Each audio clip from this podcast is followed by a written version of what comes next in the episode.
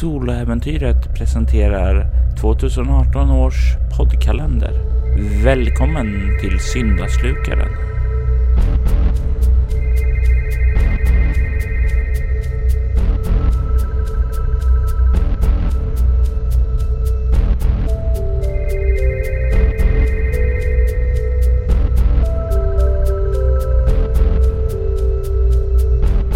Jag är Axel Vidén från Vi spelar rollspel-podden och eh, i det här avsnittet så spelar vi rollspelet Bortom. Jag tar rollen av psykonauten Mason Greystone och eh, han är en av läkemedelsföretaget Alpha 1 Omega Industries själsligt uppvaknade forskare. Eh, och jag söker efter okulta hemligheter.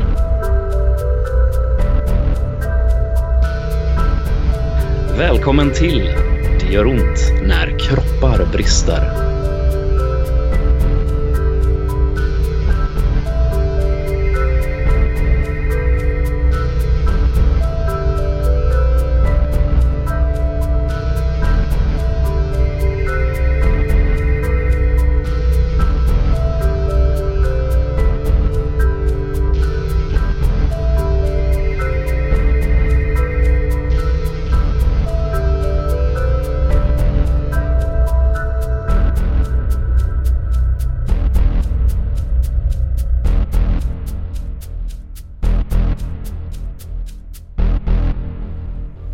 Jackson befinner sig på sitt kontor.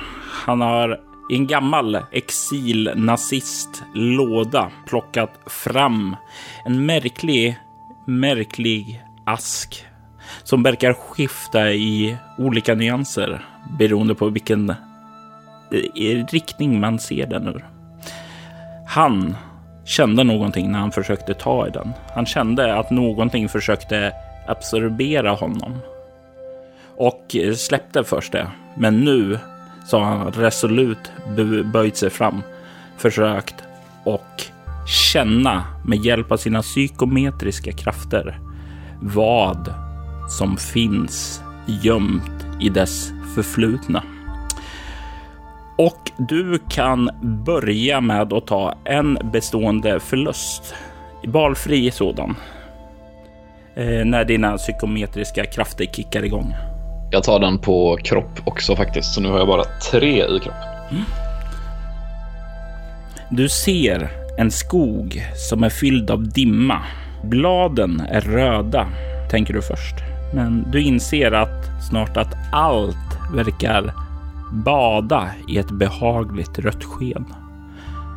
På ett av träden i den röda skogen ser du hur det finns inristat ett märke på stammen samma märke som på asken. Du känner hur den här lådan försöker kämpa emot dig, dölja sin hemlighet. Vill du fortsätta att tränga djupare in i dess historia? Eh, ja, det vill jag göra och eh, då vill jag använda Gnosis för att göra det. För att ge mig själv en eh, boost på plus två. Mm. Och eh, jag får se på vilket sätt den kämpar emot helt enkelt. Så får jag säga vilken. Eller... Du behöver då spendera en bestående förlust till med din psykometri eh, för att tränga djupare i den.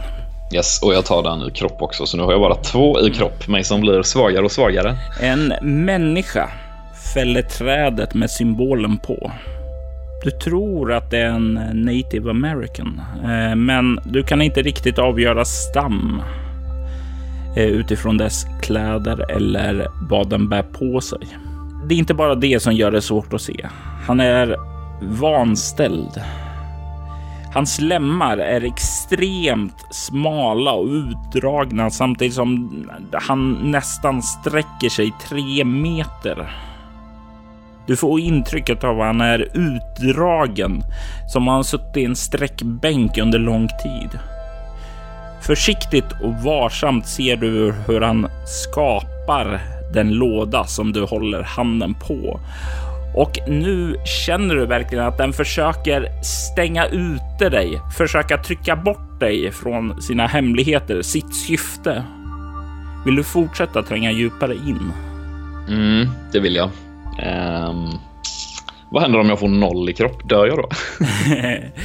eh, du, ja, du blir medvetslös och eh, du kommer inte dö. Men eh, det kan lämna permanenta åkommor i dig på något annat sätt. Ja, eh, jag tar eh, den här förlusten i utstrålning istället. Så Mm. nu har jag fyra. Och där har jag ju redan minus ett därför att jag är något av en douchebag. Mm. Du får minus på slagen. Ja, Inte just på- interaktion eh, har jag minus ett. Så är det. Yes.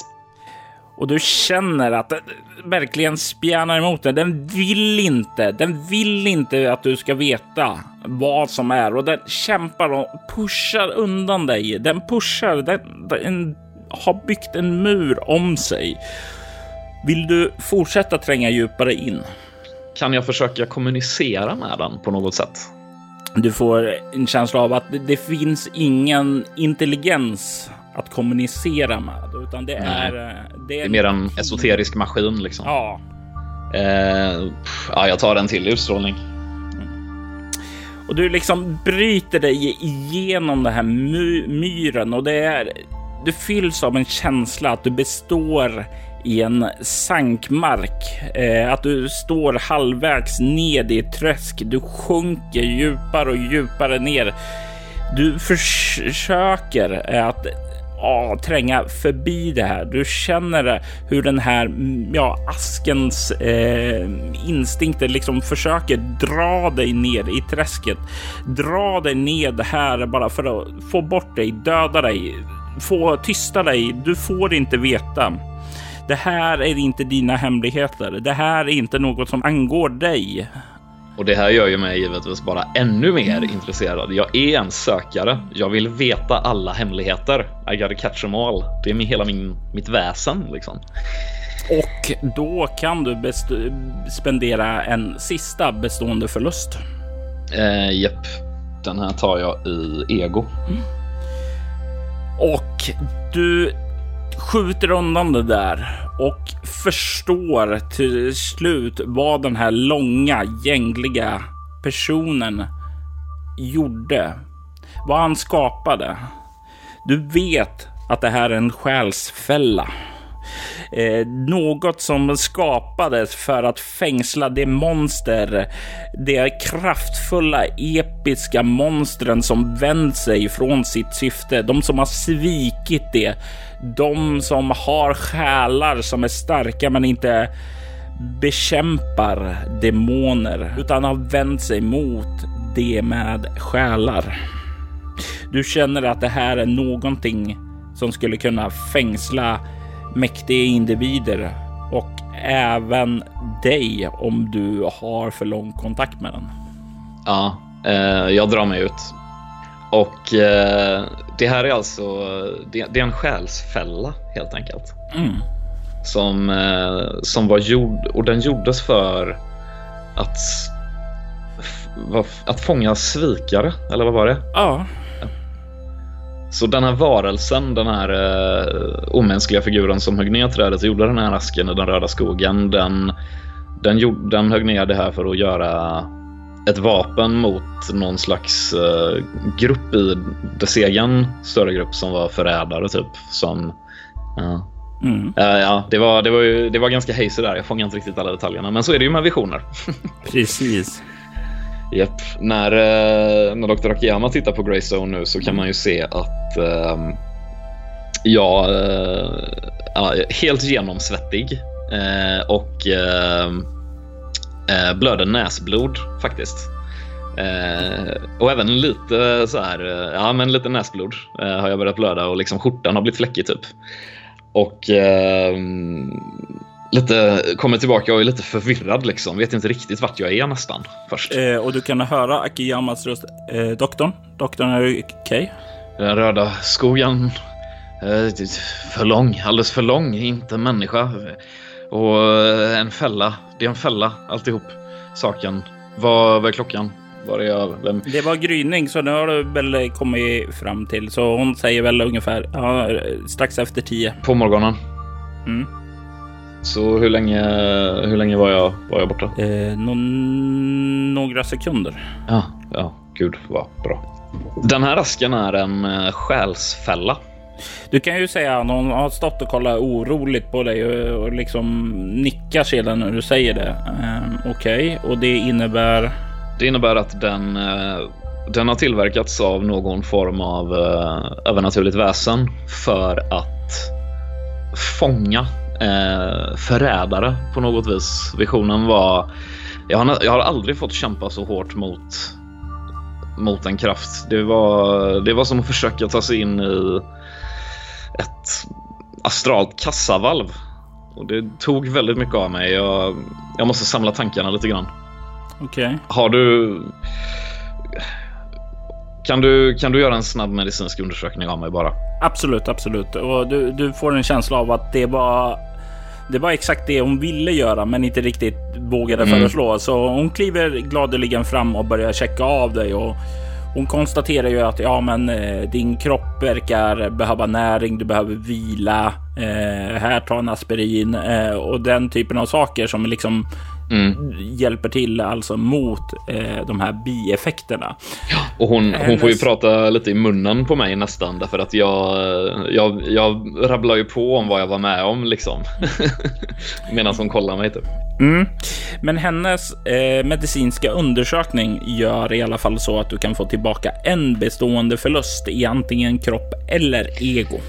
Hmm, då tror jag faktiskt att jag väljer ego, för det är ändå lite min grej och jag känner att jag vill vara. Jag vill behålla min spetskompetens. Jag är inte gjord för att slåss och brottas och skjuta och sånt. Yes. Så jag har full ego igen. Uh, gött. Mm. Uh, men, men, men inne, fråga till dig som spelledare då. Upplevde jag att den här asken innehöll någonting som var instängt där redan eller är det en tom cell? Liksom? Det är en tom och troligtvis så var det därför den eh, försökte dra in dig så mycket då helt enkelt. Eh, eftersom det inte finns något. Det är nästan som om själsfällan är hungrig. Ja, precis. Ja, det var farligt. Där balanserar jag verkligen på avgrundens rand lite grann. Men eh, sådan är Mason Greystone. Mm. Eh, frågan är om jag... Eh, har jag någon aning om hur en sådan här skulle kunna vara gjord för att användas? Liksom? Säg att man vill eh, fånga någonting i den här. Har jag någon aning om hur man skulle gå tillväga då? Rent teoretiskt nej. Rent praktiskt så tror du att ja, fortsätt att hålla i den där så fångar den nog dig. Ja, just det. Intressant. Eh, jag tror att vi ska ha med den här och vara beredda att ta in den när vi förhör vår fånge. Eh, det kan ju vara intressant. Eh, jag kollar i resten av eh, den här lådan. Finns det någonting, eh, alltså mm, jag tänker på böcker och, eh, och brev och dokument. Eh, jag kollar lite snabbt igenom det som finns av eh, dokument i den här lådan och letar efter någonting som nämner den här själsfällan eller boxen, någon bild på den eller text om den eller något sånt. Som du sa själv i förra avsnittet så verkar det vara en väldigt massa olika grejer från massa olika kulturer.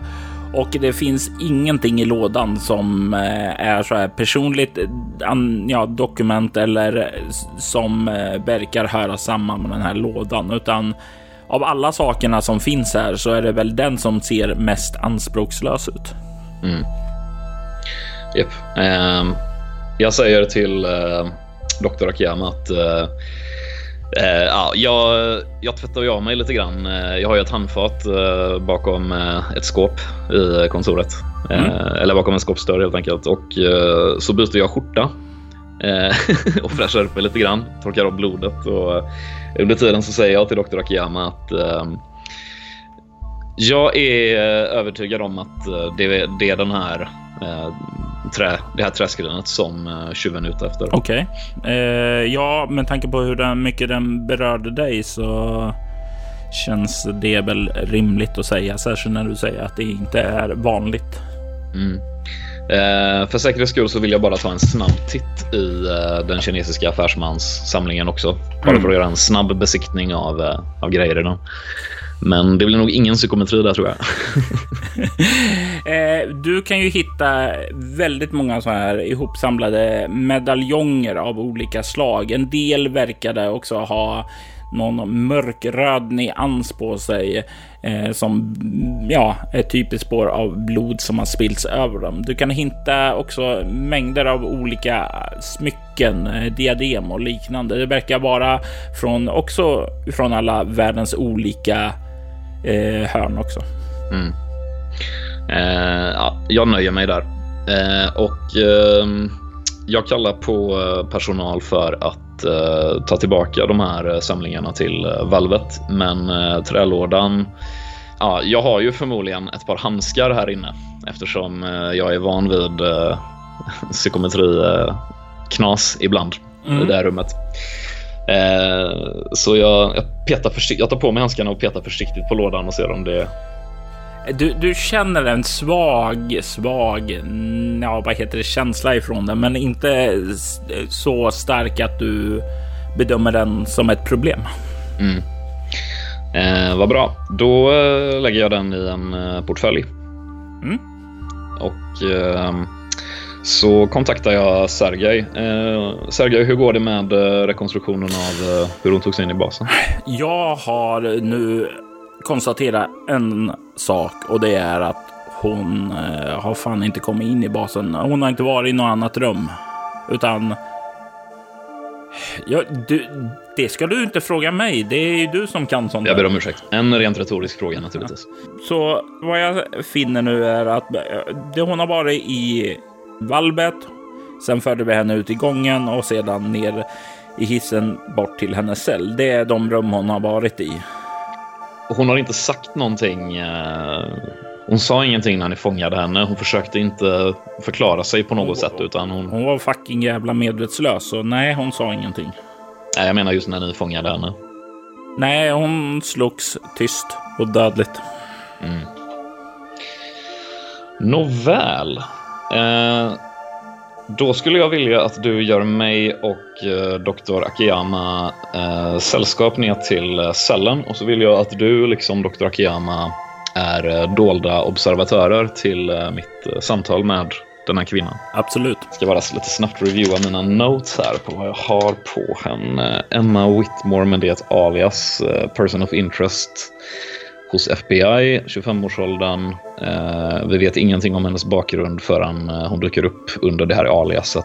Och, eh, hon har bevittnat och överlevt två seriemördare. Under 90-talet när hon var i 10-årsåldern så eh, sågs hon fly ifrån Christopher King i samband med att han eh, fångades, eller hur? Mm, stämmer bra. Och 2010-talet så sågs hon övermannas av eh, seriemördaren Ramon Araya Eh, och då var hon i 20-årsåldern. Jag kontaktar eh, eh, Shiguru lite snabbt. Eh, Shiguru, har du eh, kommit någon vart med eh, din research om de här två seriemördarna? Eh, andra tidszoner. Eh, jag har inte fått tag i min eh, vän ännu, utan jag arbetar fortfarande på det.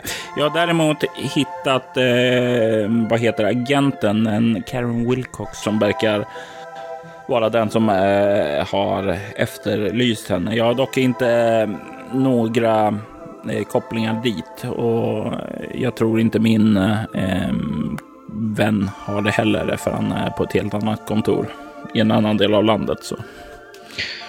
Kan du eh, jag skulle, ja, en, en sak jag skulle vilja be dig göra under tiden. Eh, kan du kolla upp den här eh, Karen Whittle lite grann? Kolla vart hon är i karriären. Går det bra eller dåligt för henne? Har hon arbetat med några profilerade fall det senaste? Eh, sådana saker. Mm. Mm. Och eh, sen så skulle jag också vilja fråga dig.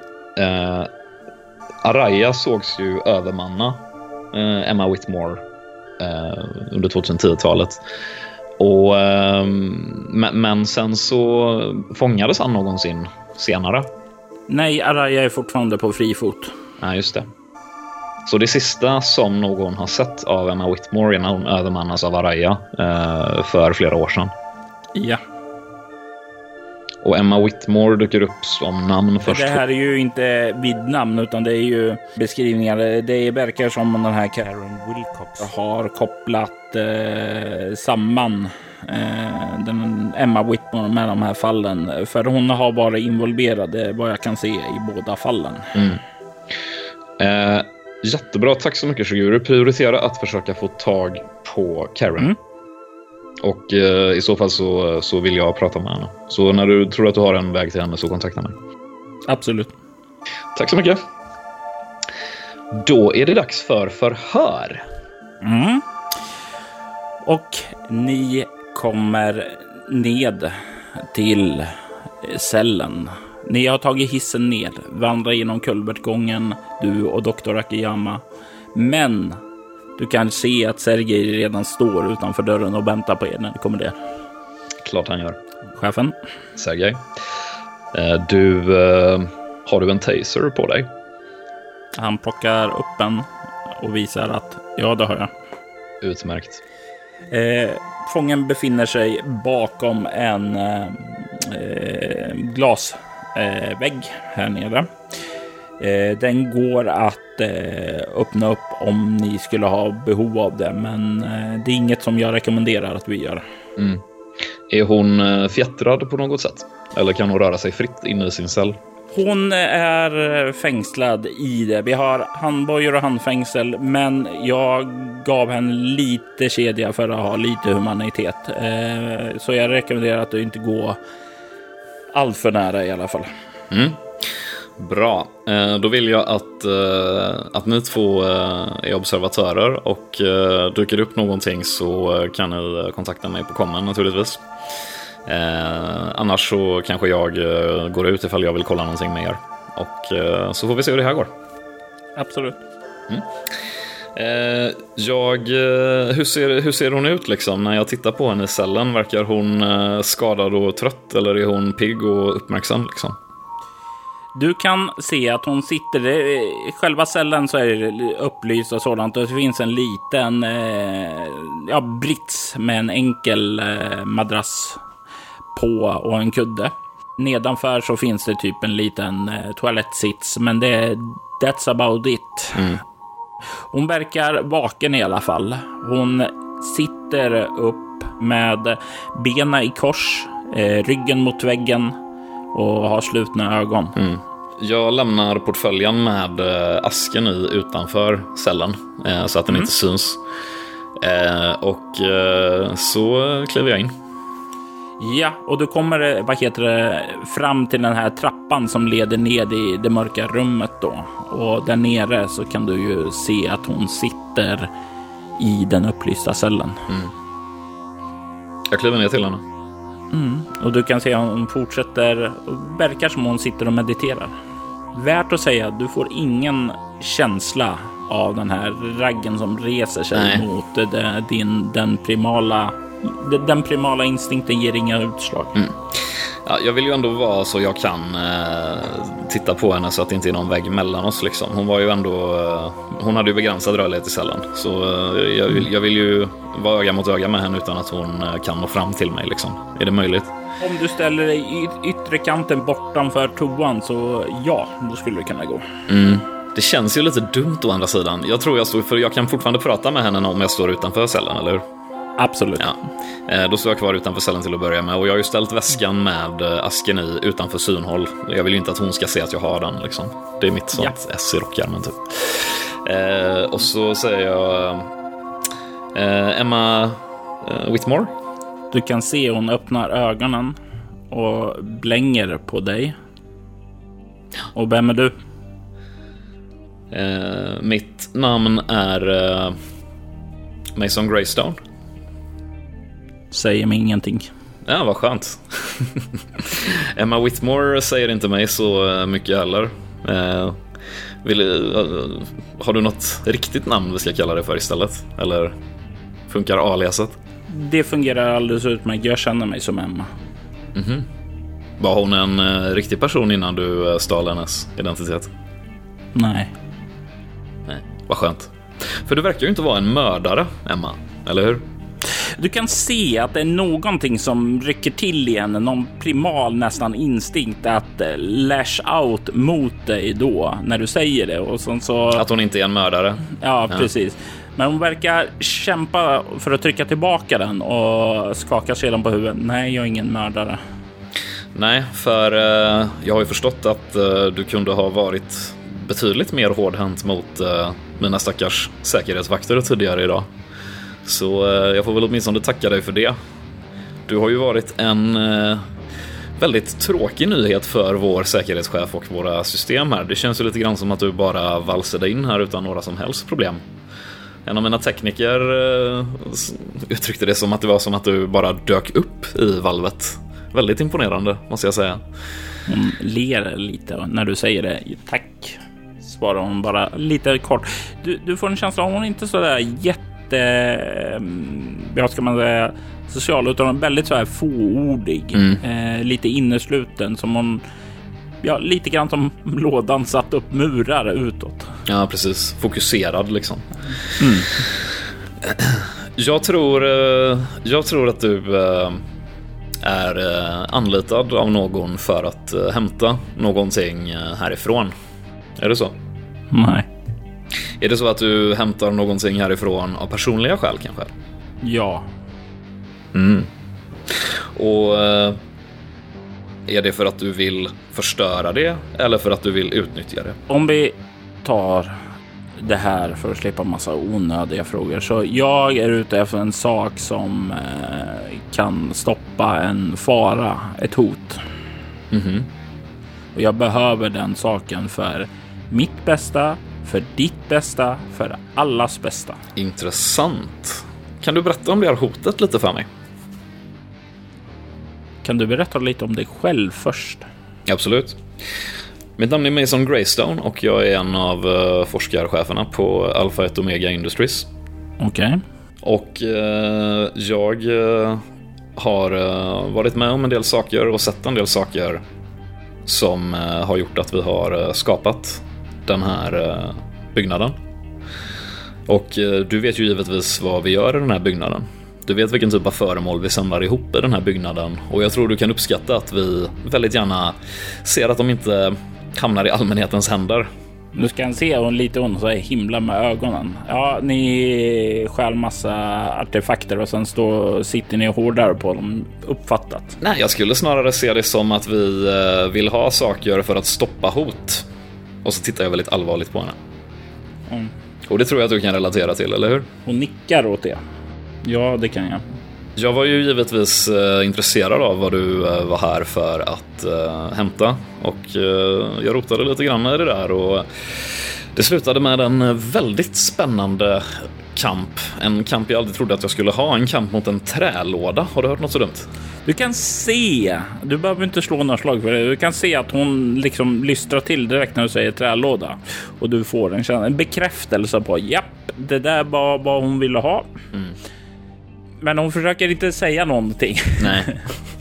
Jag säger eh, det här hotet som, eh, som kommer, har det någonting med, eh, med Christopher King att göra? Eller har det någonting med Araya att göra kanske? Som jagar dig nu gissar jag. Nu kan du förslå utstrålning eh, kameleon. Mm här använder jag ju, nu känner jag att jag har en väg in här så nu pushar jag på med ännu mer av uh, grejer jag vet om henne som hon inte visste att jag visste. Mm. Uh, så uh, utstrålning sa du och jag har ju tagit två bestående förluster där så jag har bara tre. Och så sa du kameleont så det är fyra så det är sju plus en T6. Och sen så kan du få en modifikation på plus två för att du petar med rätt verktyg. Där det gör ont. så 9 plus en T6 blir det väl då. 5, eh, 14. Du får en känsla av att det är precis det som sker. Båda påverkar henne rejält när du säger det. Men det verkar som det grövsta såret är Christopher King. Mm. Du får nästan en känsla av att det, det, finns en större historia där, någonting som berört henne djupt. Mm. Men troligtvis så var hon väldigt ung då och du får kanske en känsla att det var där som hon började inse saker och ting att världen inte riktigt var som den skulle vara mm. enligt samhället. Jag säger uh, Emma, jag, jag kommer kliva in i cellen nu därför att uh, jag tycker inte att det känns riktigt rättvist här. Jag vet ju att du kan ju döda mig ifall du vill och uh, jag tror och hoppas att du inte kommer göra det så Hoppas du kan visa mig det förtroendet. Hon liksom biter hårt i tänderna och nickar sammanbitet. Mm.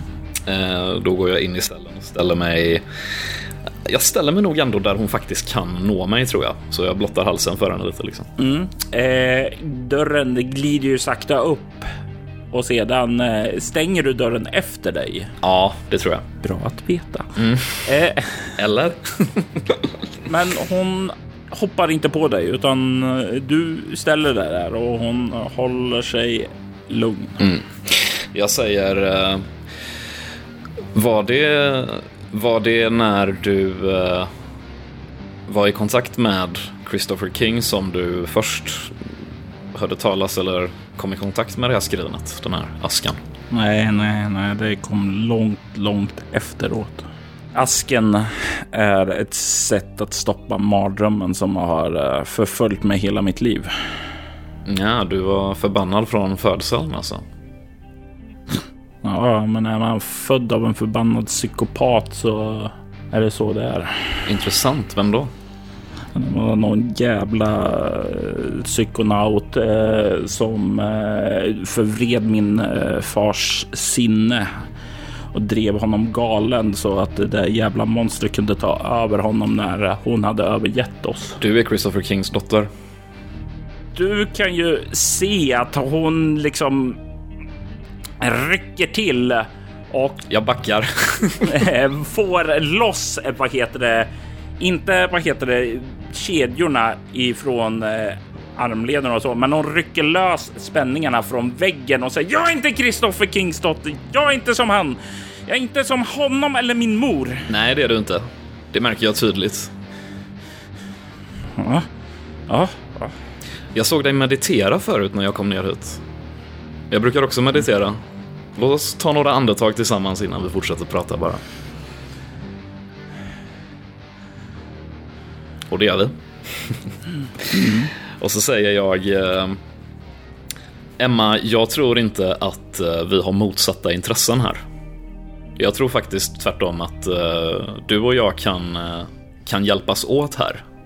Och jag besitter kunskap och förmågor som har satt mig i kontakt med eh, den typen av eh, saker som eh, gjorde din far galen och jag vill, jag vill hjälpa dig. Så låt oss, låt oss samarbeta om det här och jag måste säga att du, dina, din kapacitet är ju extraordinär och jag hade väldigt gärna velat välkomna dig i min organisation när vi har hjälpt varandra att lösa detta för dig.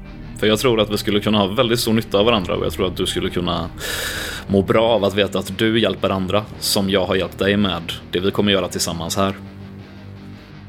Hon lägger liksom huvudet på snä och verkar försöka läsa dina intentioner. Du kan slå ett utstrålning kameleont. Mm. Och jag, jag är ju ganska uppriktig här.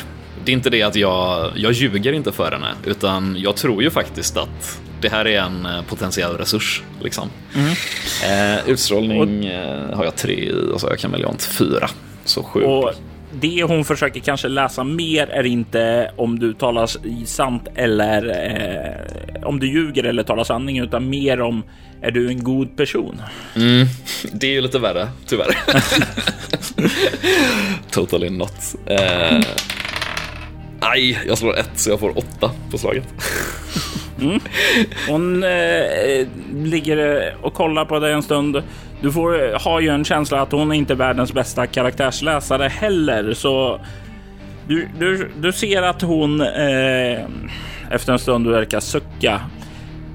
Vi kan prata om allianser eller så sedan, men eh, jag behöver veta ifrån dig då att jag kan lita på dig.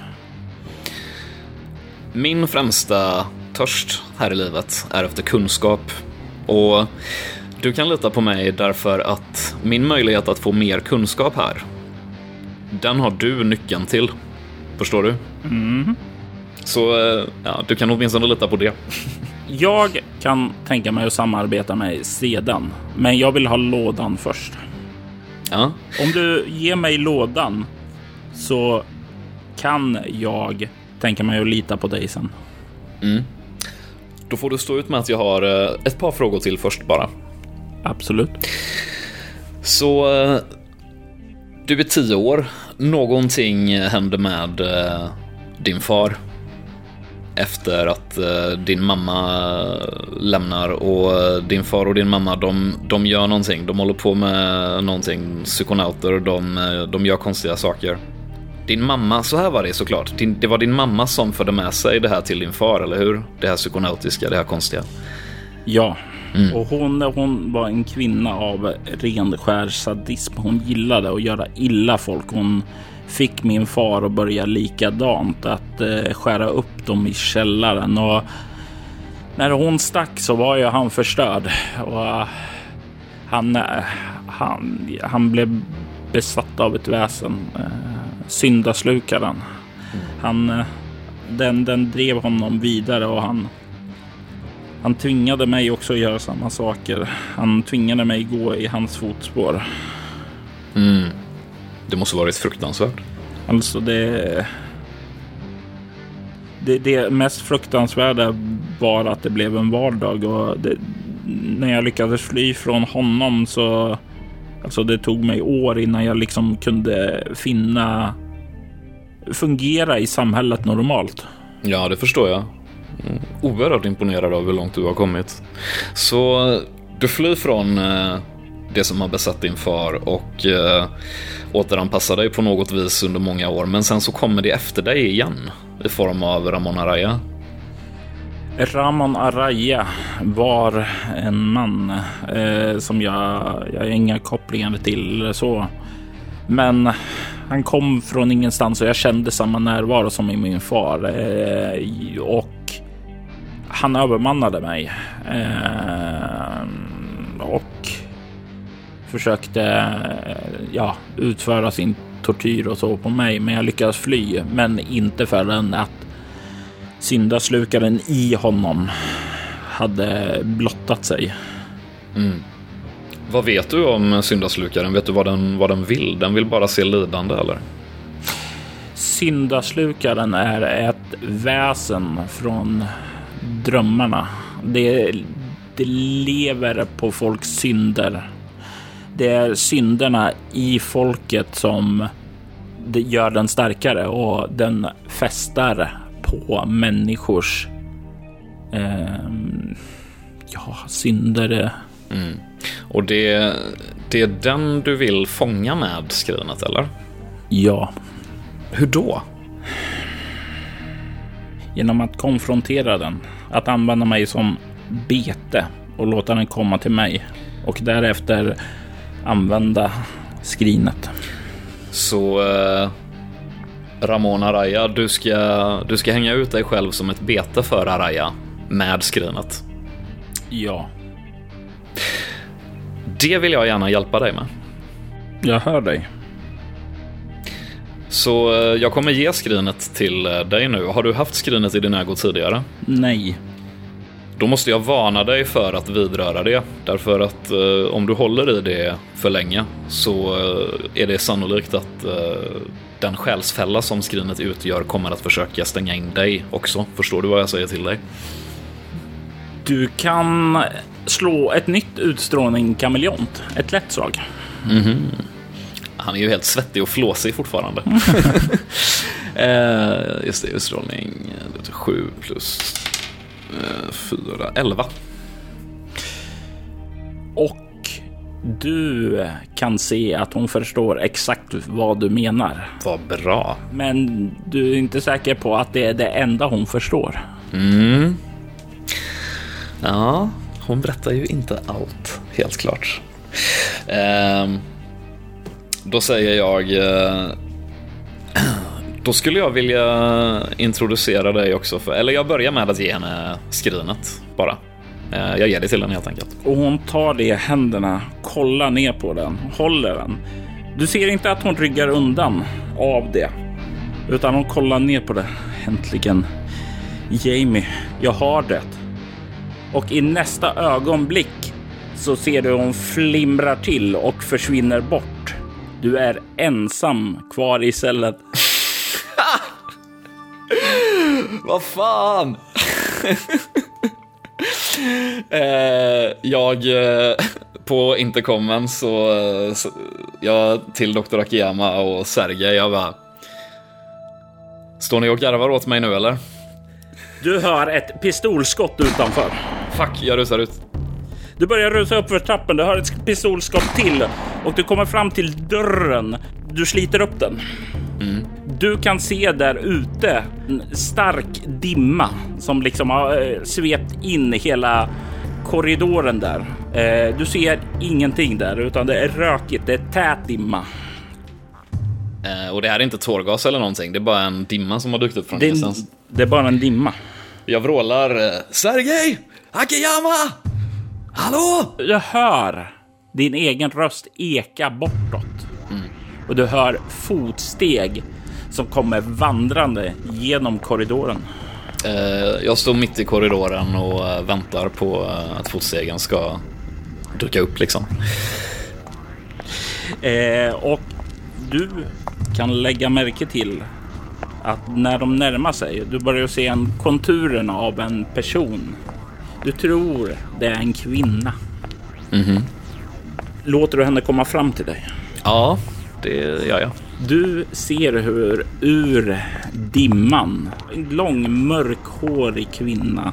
Det är en kvinna eh, som ser ganska ja, relativt vältränad ut och atletiskt. Du har träffat personen tidigare.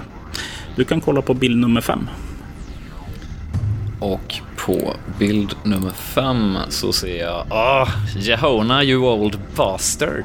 Den här kvinnan som du mötte och tog prover ifrån uppe i den japanska bergsbyn Nishiaba. Mm. Som eh, du sedan eh, satte igång ett experiment och nu väntar på att det ska komma igång ordentligt så du kan fortsätta på den eh, tråden. Mm. Hon kliver framåt där och du ser att hon har en kniv i handen. Fuck. Uh, Jehona? Du! Du! Nu ska jag ta ditt blod. Ditt blod ska bli mitt. Jehona, jag tror inte riktigt att du är dig själv. Nu tar vi det väldigt, väldigt lugnt här. Jag backar långsamt bakåt liksom. Och hon börjar röra sig snabbare mot dig och nej, det verkar inte riktigt som hon är sig själv. I alla fall inte den eh, sig själv som du såg uppe i bergsbyn. Fuck. Jag börjar eh, rusa. Sergej! Sergej, kom in Sergej! För helvete Sergej! Du rusar och du känner plötsligt hur du snubblar över någonting och landar med ett brak på marken. Du slår huvudet i golvet och allting svartnar. Det sista du hinner se innan det blir svart så ser du eh, vad heter det, Sergejs ja, livlösa blick på golvet Fuck. där du har snubblat över doktorn eh, Akiyamas kropp. Oj. Eh, du vaknar sakta upp. Du ligger i en säng ja, det ser ut som en, tänk en sån bankbädd. Eh, eh, kollar dig runt, ser ut som en, ja, det är fyra bäddar här. Det ser ut som ett litet, ja, ungefär som på lumpen. Eh, en barack ser ut liksom. En, ja, precis. Det ser så ut. Mm. Uh jag eh, ser mig omkring. Finns det någon annan här inne? Det, känner jag igen att vi är på basen eller är vi någon annanstans? Liksom? Det ser inte ut som basen överhuvudtaget, eh, utan det ser ut som, ja, rummet känns konstigt. Mm. Eh, det har inga skarpa kanter utan det är ovalt format. Och du ser att det leder en dörr bort ut ur rummet men i övrigt så är det, eh, vad heter det, bara sängarna. Det finns något skåp, det finns något bord i mitten, ett runt bord med stolar runt det. Det verkar vara som ja, en eh, övernattningsplats. Eh, mm. Ett ovalt rum alltså? Ja. Eh, jag reser mig ur sängen och eh, försöker leta efter tecken som kan indikera tid och eh, plats. Under själva bädden så finns en sån här låda som går att dra ut och du kan se att det verkar finnas några gråa typer av uniformer mm -hmm. som har en logga på sig där det står NLF. Betyder det någonting för mig, NLF? Nej. Har jag på mig sådana här kläder eller har jag på mig mina vanliga kläder? Du har på dig dina vanliga kläder. Okej. Okay. Um, ehm, är någon av de andra sängarna, uh, ser det ut som någon har sovit i dem nyligen? de ser bäddade ut. Mm. Eh, och det fanns en utgång, eller? Inga fönster? Det fanns en utgång och inga fönster. Jag eh, lyssnar mot dörren. Du kan höra ljudet av absolut ingenting. Tystnad. Jag känner på dörren. Eh, och det är liksom när du sträcker eh, fram mot dörren så inser du det finns inga handtag här. Eh, men just när du inser det, liksom har din hand kommit ner där det borde vara så glider dörren upp. Wow. Som av en rörelsesensor eh, och du stirrar ut i ett rum. Det här verkar vara en mäss av något slag. Det som sticker ut, det finns dels en dörr vidare åt vänster och en rakt fram. Men det som sticker ut allra mest i mässen är en stor Ja, det påminner lite grann som en stående så här reklamskylt, eh, men det är mm, med en typ av datorskärm istället för eh, vanlig pappersaffisch på sig. Wow. Och framför det så ligger det en kvinna i en forskningsrock, en mörkhårig kvinna eh, som ser ja, ut att trilla rakt bakåt och du kan se att hon har armen, eh, ja, eh, rockärmen är uppdragen så det blottas större delen av armen och det ligger en spruta vid hennes sida. Mm. På en metanivå tror jag att jag vet vart vi är någonstans. eh, faktiskt kom jag ut på. Jag, eh, jag knäböjer vid den här forskaren och försöker leta efter eh, identifikationshandlingar. Eh, återigen letar efter indikationer på, på tid och plats och region och identitet. Och... Du kan öppna bild 4 för att se ansiktet på kvinnan. Mm. En eh, mörkhyad kvinna i 25-30-årsåldern. 30 kanske. Mm. Eh, du börjar kolla och du som har en del i medicin kan ju se att hon har ett injektionsstick i eh, armvecket. Mm. Men hon höll sprutan själv eller? Ja. Mm. Eh, du kan inte se några ID-handlingar eller så, men du kan se eh, någonting som sticker ut. På hennes arm eh, så finns det någon form av det ser lite grann ut som en väldigt, väldigt tunn iPad som är fäst runt armen. Shit. Uh, jag har ju uh, förmodligen ganska bra koll på hur uh, teknologiläget ser ut. så jag tar upp den här och bara, vad fan? Börjar pilla på den. Och du tar tag i den där så slås den här reklampelaren upp och du ser en inspelning startar. Och du ser kvinnan och hon ser ju väldigt, väldigt rädd och sorgsen ut. Eh, hon talar till dig, eller ja, till kameran, till skärmen här. Men det blir som att hon talar direkt till dig. Vad har vi gjort? Jag är fängslad här, ensam kvar med henne. Det är bara en tidsfråga innan hon hittar mig. Men innan dess måste jag förklara vad som pågår. New Life Facility var ett försök till ett nytt liv, ett bättre liv för mänskligheten. Mason Gravestone var en briljant forskare och en sann visionär. Det var han som fann nyckeln till evolutionen. Vi förstod aldrig varför Mason slutade med sin forskning. Varför han sa att experimentet var dömt att misslyckas. Han ville avsluta det helt, men vi övertalade honom att få det fortsätta. Hur kunde vi ge upp den illyriska drömmen?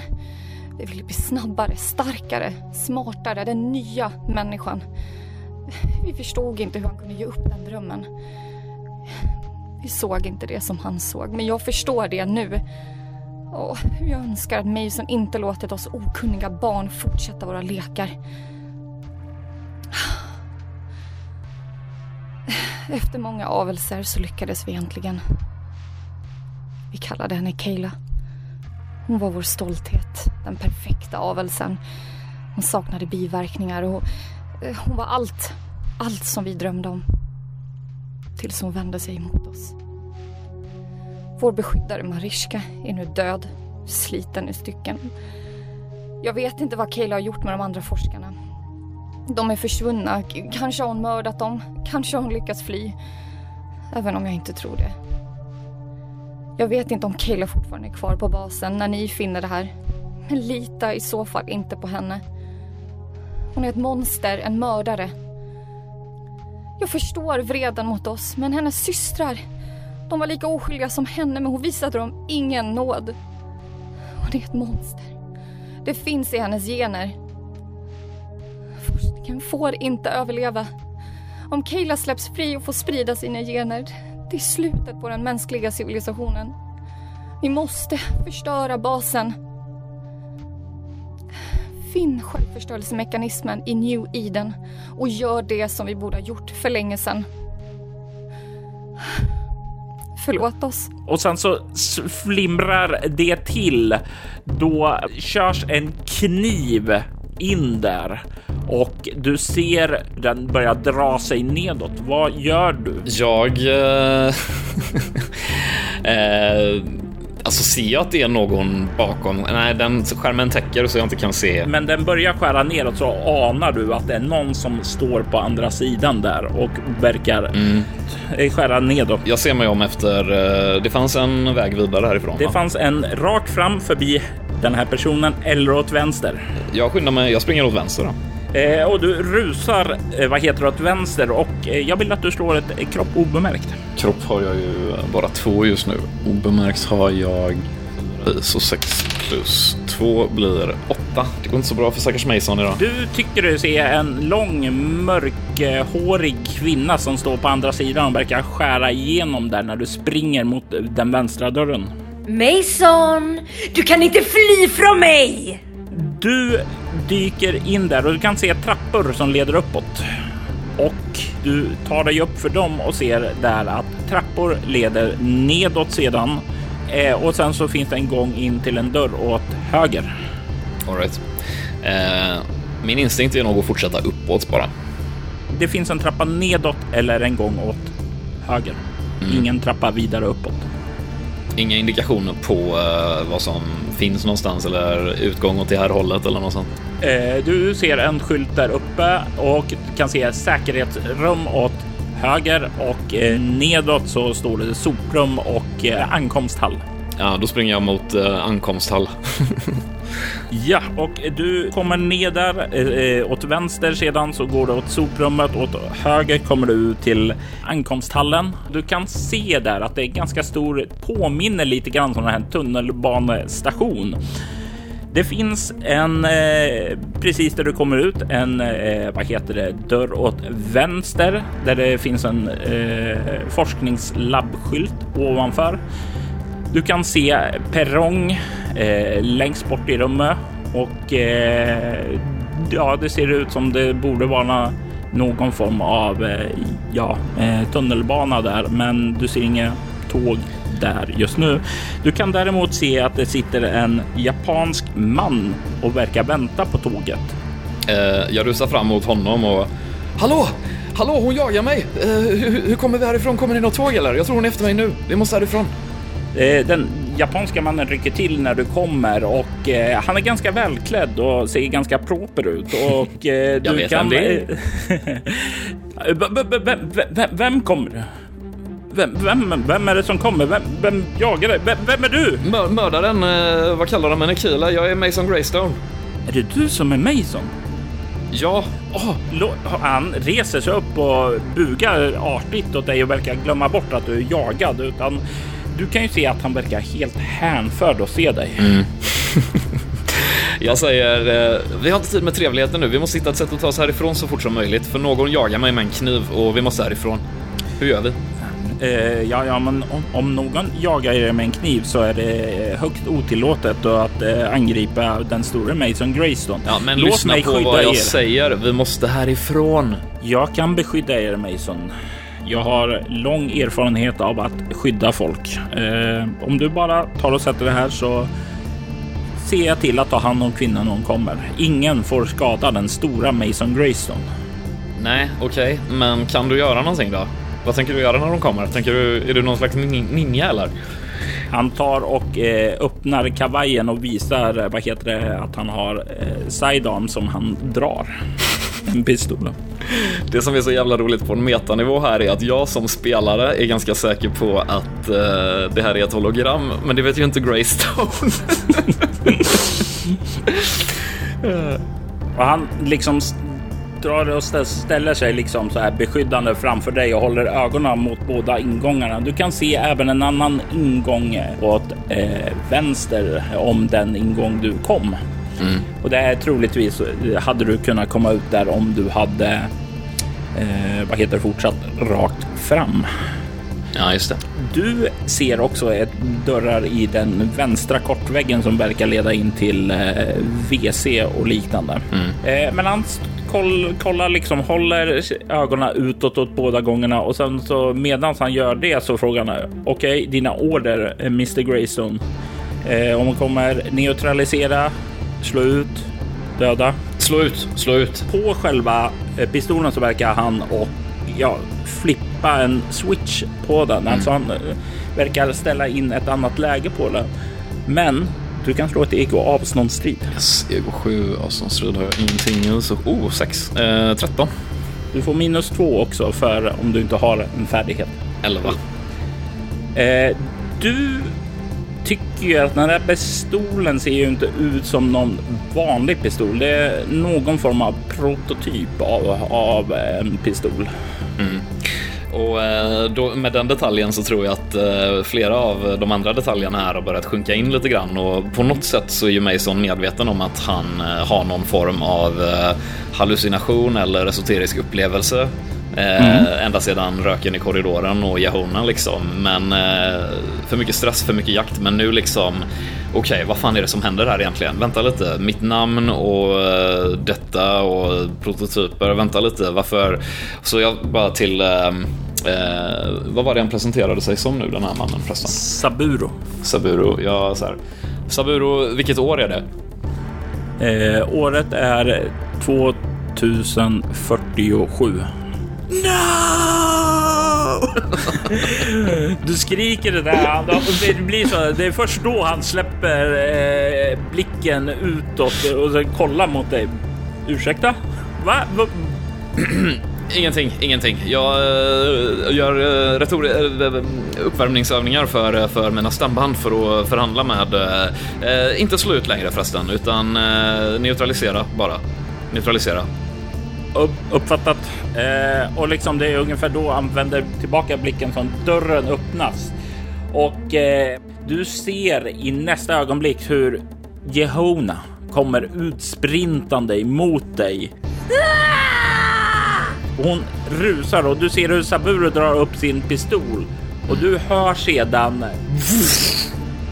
en, det är inte ett pistolskott, men det är en form av sonisk våg som träffar Jehona. Hon far tillbaka in i väggen och slungas så hårt att hon ja, faller ihop medvetslös på golvet. Mm. Och han börjar röra sig framåt. Jag går bakom honom och kikar över axeln så här liksom. Och, eh, ja. och du kan se han plocka fram ett par eh, ja, buntband, eh, liknande grejer eh, och liksom mm. fäster armarna och sedan även benen och sätter sedan henne mot väggen. Ja, jag säger, eh, hon, eh, jag tror hon har dödat alla i hela anläggningen. Jag såg en inspelning med en, eh, en mörkhyad kvinna som var forskare här som... Teodora? Teodora, ja. måste bara Teodora. Hon är död. Mariska då? Ja, det var något om Mariska på inspelningen, eller hur? Ja. Eh, Hennes har, syster. Ja. Eh, vad har du i ego just nu? Sju. Ja, eh, Ja, du drar ju dig till minnes att Mariska var ju säkerhetsvakten som eh, hon eh, hade, hon som Kayla hade dödat. Mm. Jag säger, eh, nej hon sa att uh, Kayla har, har dödat alla. Det är nog bara du och jag som lever. Det här är Kayla eller? Det här är Kayla. Ett av dina experiment. Ja, det verkar ju onekligen så, men uh, Vad gör jag här? Ja, det undrar jag. Jag, jag trodde du hade hoppat av projektet. Det, det är så roligt att se er. Det är en ära. Mm, detsamma. Du har ju räddat mitt liv alldeles nyss. Eh, men eh, eh out of character, eh, eller så här, jag drar mig ju till minnes liksom hur eh, det, det, som den här eh, forskaren sa om eh, att Mason Greystone hade varit så anti det här projektet och drog sig ur och att allt måste förstöras och att den här är alldeles för ond. Så Ja, men samtidigt så är jag nyfiken på den här varelsen också liksom. Och frågan är om jag uh, second-guessar framtida mig själv. Liksom. Uh, shit, jag vet verkligen inte hur jag vill spela det här. Uh, men uh, jag tror jag tar... Uh, jag säger till Saburo. Saburo, ditt vapen. Han, utan att liksom ens tveka, så tar han och ger det till dig. Mm. Eh, förstår jag mekanismerna i vapnet eller? Du kan slå, slå ett eh, ego-teknologi eller ego avståndsstrid eller ego naturvetenskap. Eh, beroende på vilket du väljer kan du få lite olika svårighetsgrader och lite olika information. Mm. Jag vill ju framförallt veta hur jag osäkrar den här och eh, dödar Jehona. Eh, ja, eh, det, om det är vad du vill veta, liksom, du såg ju honom flippa mellan två mm. lägen, så du skulle gissa, alltså det behöver du inte slå någonting för, utan det är ju bara att flippa den till andra läget skulle du tro. Ja, då flippar jag den till andra läget och så eh, skjuter jag Jehona i huvudet på nära håll. Ja, och du ser det här, vad heter det, blodet. Eh, alltså, det är ju, du hör den här du hör inte ljudvåg den här gången när du trycker av. Mm. Men du kan plötsligt se hur hela kroppen rycker till och det liksom blod rinner ut ur öron och näsa och hon, hela kroppen Herregud! bara sjunker ihop. eh, och Saburo kollar på dig och nickar bara. Eh, ja. Han verkar förstå att du har eh, en plan här och han tänker att lyda dig. Han tänker följa dig. I like. Eh, ja, det där kändes nog bra tror jag. Jag, jag petar lite på kroppen med foten liksom. Förväntar mig lite mm. halvt att den ska komma tillbaka till liv igen. Eh, och du kan höra dig bakom. jag vänder mig om.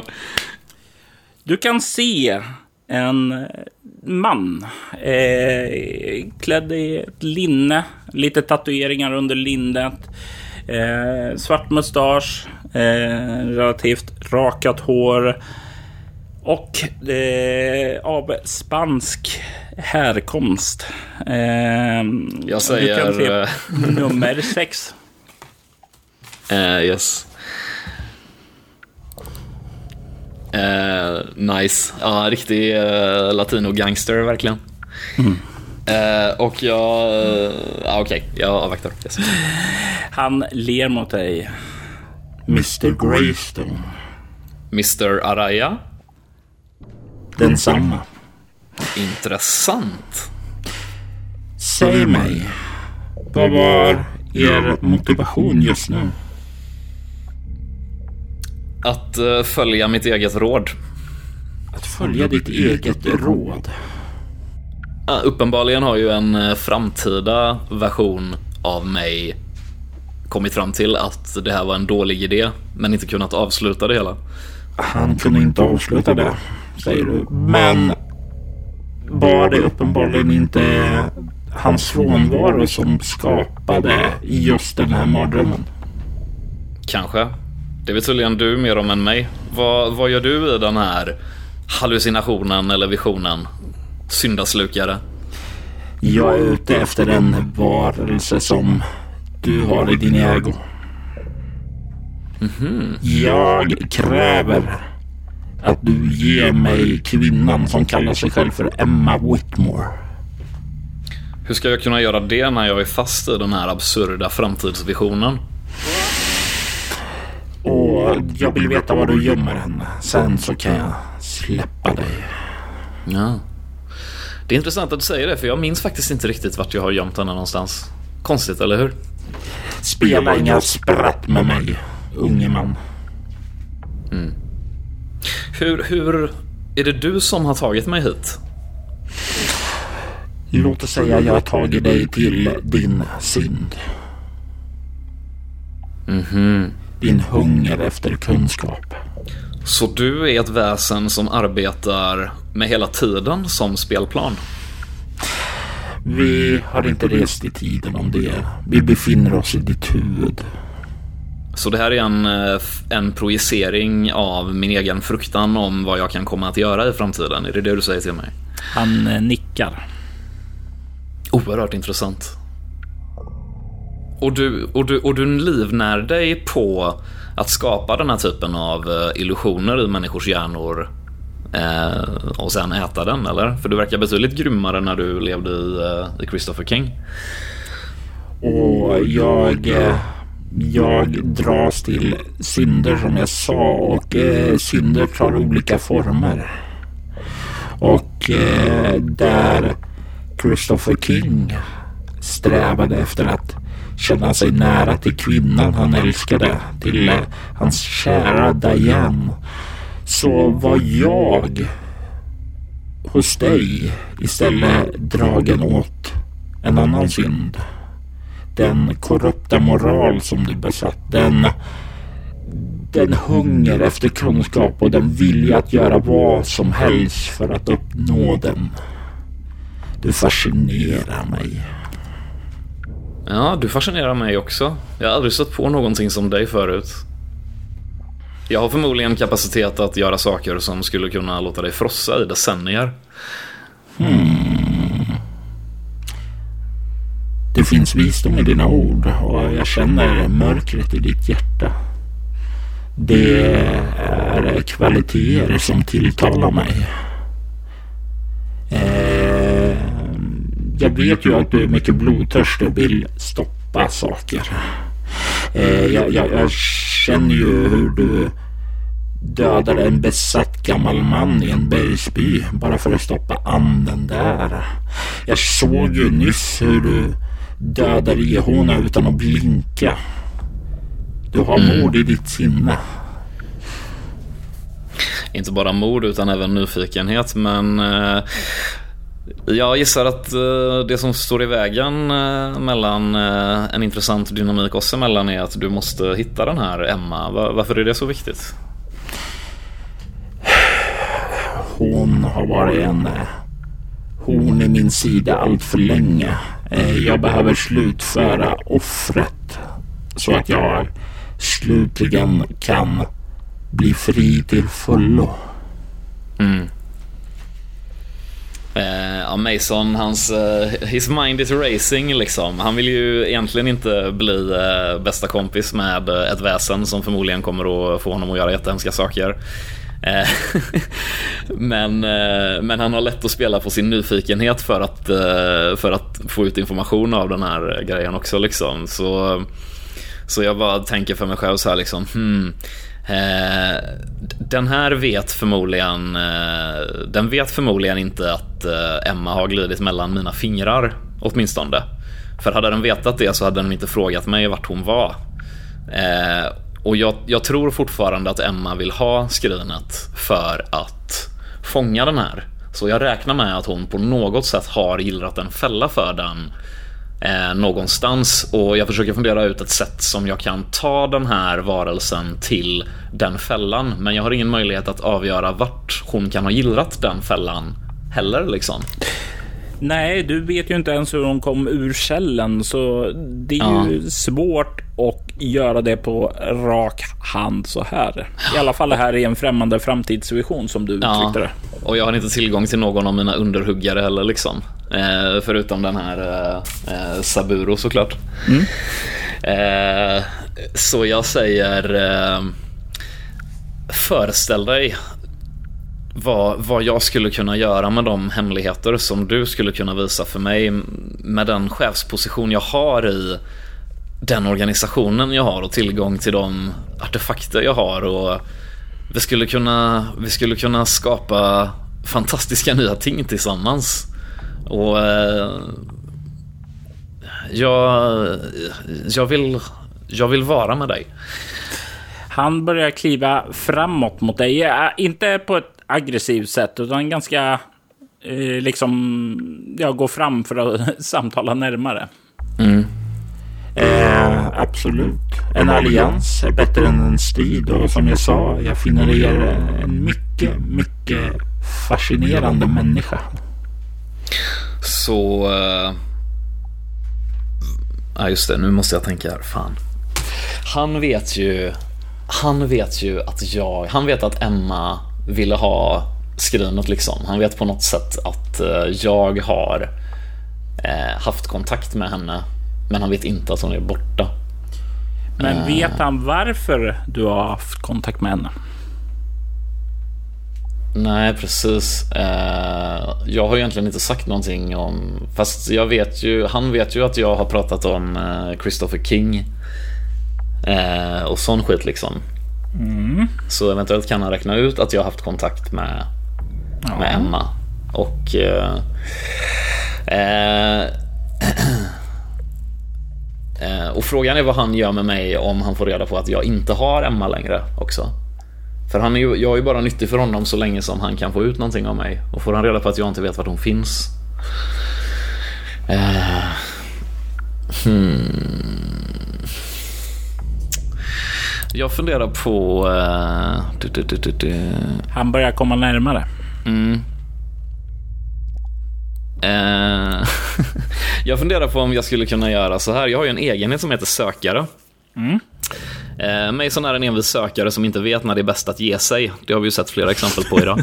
Eh, han kan genom att koncentrera sig på ett mysterium ta en bestående förlust i ego för att få en ledtråd som kan leda vidare. Nackdelen är att sökandet även innebär en extra komplikation för gruppen. Och jag skulle kanske kunna pitcha det här så får du se vad du kan göra med det Robert. Att eh, ehm, komplikationen för gruppen, i det här fallet mig då, det är ju att jag på något sätt har bjudit in det här väsendet som verkligen har fått upp ögonen för mig liksom. Eh, vilket kan innebära massor av spännande problem. Eh, och, eh, och det jag försöker få reda på när jag koncentrerar mig och bara tänker på allt det jag precis har beskrivit, det är ju liksom hur, hur kan jag tillfälligt lura honom liksom? Det är ju det jag letar efter typ. Vad tror du Eh. om den, eh, den grejen? Det skulle kunna absolut funka. Coolt. Då tar jag en bestående förlust i ego när jag tänker lite för hårt. Han eh, kliver fram till dig. Och så sträcker han ut handen. Håller ut den mot dig och säger. Vi kan bli kollegor. Du hjälper mig, så hjälper jag dig. Och shit, nu kom jag på det. Eh, om, om jag kan bära honom i mig liksom, då kommer ju då kommer ju jag att uh, genom honom på något, alltså då, måste, då har ju jag någonting som Emma vill ha om jag har honom i mig. Det är ju intressant. Hon tar skrinet från mig och försvinner. Jag tar Araya från henne. Så då måste hon komma till mig om hon vill ha Araya. Eh, det är väldigt intressant. Så kan man absolut resonera. Ja, jag, ja, men det är nog så jag tänker här. Jag hoppas att jag kommer vakna upp i cellen igen för eh, det blir jobbigt ifall jag börjar mörda folk. Men han vet i och för sig att ja, det här blir jätteintressant. Yes, eh, jag tar hans hand. Du tar hans hand och han ler. Och eh, du ser sakta hur du börjar vakna. Och du ser hur, eh, vad heter det, du ligger, vad heter det, vid den öppna dörren på golvet. Precis, du har inte hunnit ut ur rummet. Du kan se hur Sergej ligger på golvet. Han blöder kraftigt. Eh, han har blivit skjuten i magen. Du vet inte hur länge du var borta, men blodet är fortfarande färskt. Du kan se att hans sidhölster är tomt och du kan se att Dr. Akiyama är försvunnen. Ehm, pff, fan. Eh, jag rusar fram till Sergej och eh, gör en snabb medicinsk koll på honom och försöker få liv i honom. Typ. Se om man kan lägga tryckförband eller någonting. Slå ett lätt slag med kroppmedicin. Eh, kropp 2, medicin 6, så 8 plus 2, 10. Nätt och jämnt så lyckas mm. du, vad heter det, täta till såren, bandagera. Han har förlorat mycket blod. Han skulle vara i behov av medicinsk vård. Men han är stabiliserad i alla fall just nu. Det är inte akut livshotande längre. Eh, är han vid medvetande? Nej. Jag försöker anropa eh, Akiyama på eh, kommen. Du får inget svar. Jag hörde två skott, eller hur? Han har bara ja. ett skott i sig. Mm. Eh, jag, jag börjar försöka eh, släpa Sergej till eh, medlabbet. Och det är ju bort mot hissen.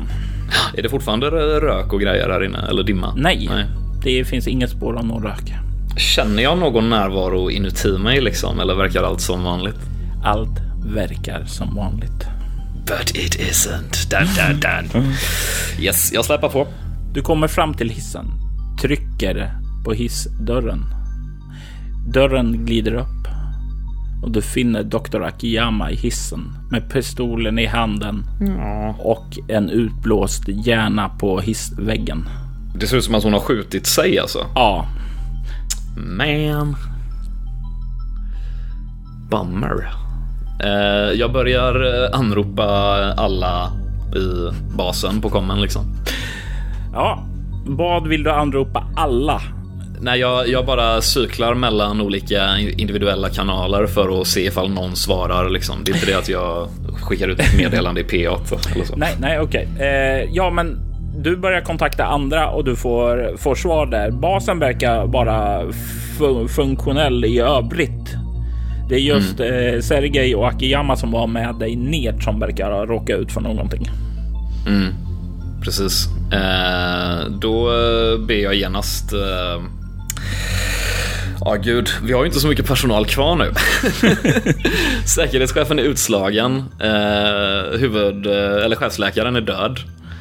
Och mm. eh, verkar ha tagit sitt eget liv liksom. Mm. Eh, så, ja. Du har ju några läkare och vetenskapsmän där och sen har du ju förstås Shigure-san. Mm. Eh, jag, ja, jag får anropa alla i... Eh, jag får göra ett, eh, en, en announcement i P8 liksom. Mm. Och så säger jag att eh, eh, till alla medarbetare i anläggningen, det här är Mason Greystone som talar.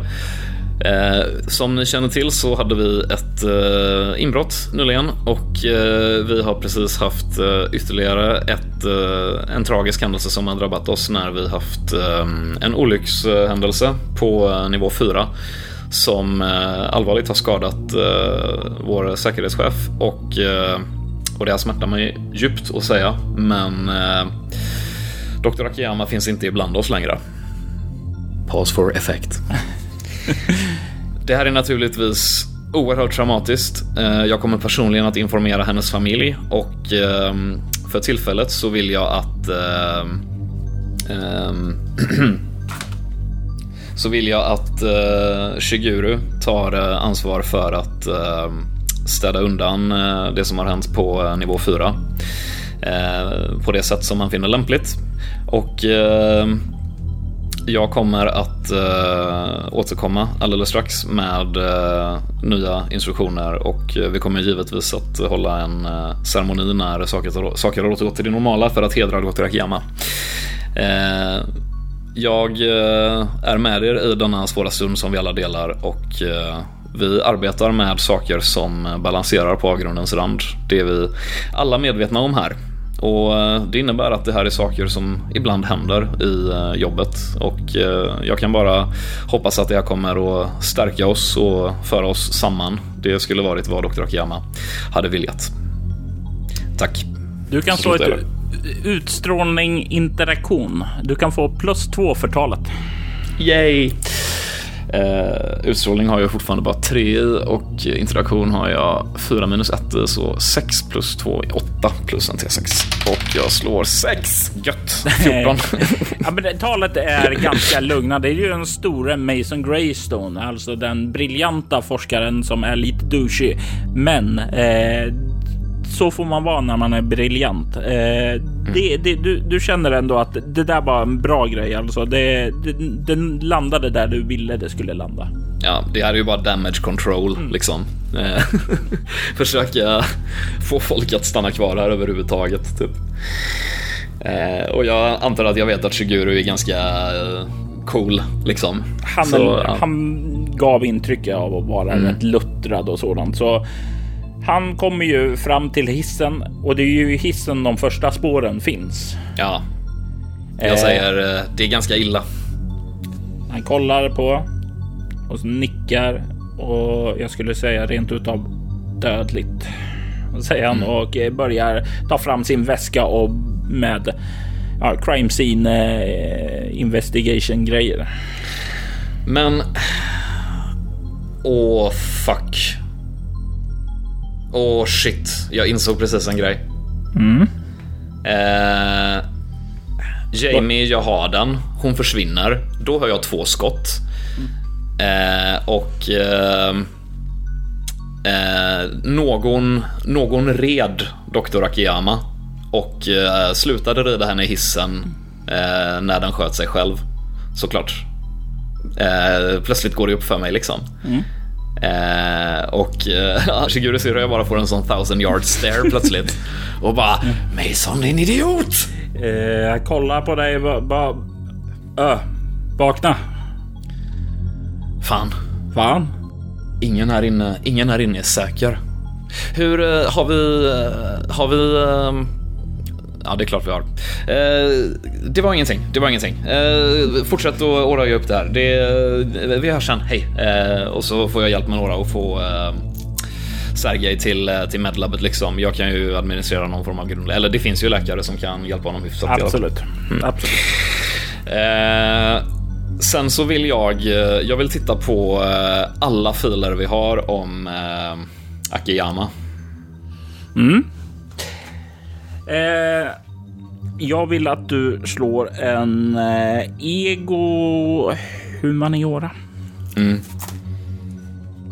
Eh, Ego 6 har jag och humaniora har jag 4 i, så 10 plus 4 blir 14. Eh, du går igenom här liksom sammanställda filen som ni har av henne igen och hon eh, uppmärksammades redan när hon läste eh, på universitet för att bli forskare.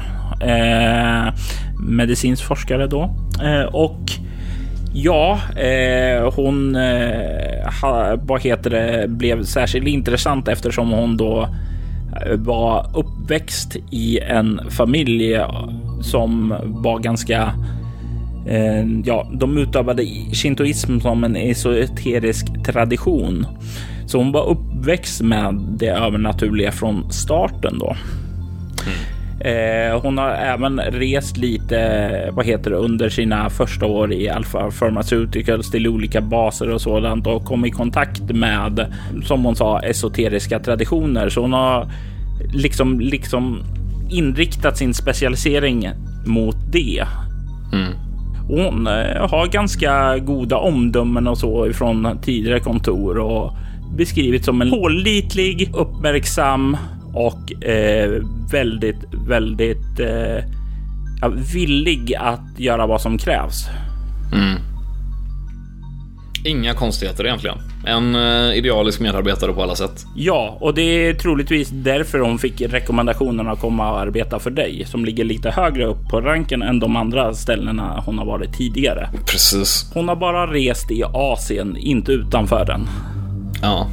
Ehm, jag, eh, jag går till hennes eh, rum. Som jag antar att jag har tillgång till. Absolut, Ja. absolut. Och eh, jag letar, eh, jag letar efter, eh, jag kollar igenom hennes bokhylla, jag kollar i hennes eh, nattduksbord, jag letar efter eh, korrespondens, journaler, anteckningar, jag letar efter saker som sticker ut. Eh, och jag letar även, om jag hittar en dator eller telefon eller någonting så vill jag undersöka den också. Korrespondens, anteckningar, den typen av grejer. Du får slå ett ego obemärkt. Lätt slag. plus eh, yes, obemärkt. Eh, 4, 10 plus 5, 15.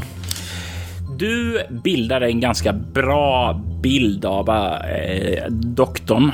Eh, hon har en väldigt god relation med sin familj, eh, även om hon inte är troende utan mer som dig troende på eh, ja, vetenskapen mm. eh, och eh, hur den kan appliceras på världens metafysiska regler.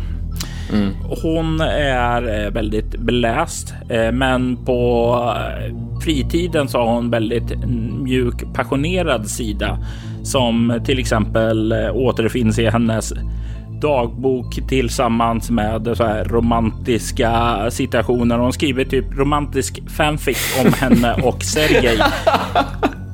nice. Eh, och eh, vad heter det? Hon eh, hittar den här eh, anteckningen eh, från eh, ja, typ igår, ja, i natt då när hon precis eh, innan hon skulle komma och möta dig då. Så hon mm. suttit och skrivit där om ja, ja, det ska bli en sån stor ära att få samarbeta med Greystone. Alltså jag hoppas att kunna visa upp mig för honom och göra honom stolt så han ser. Men det skulle vara bra för mm. min karriär och han kan visa mig nya saker, lära mig nya ting. Jag ser så mycket fram emot att möta honom och du får en känsla av att du var bara lite av en förebild för henne.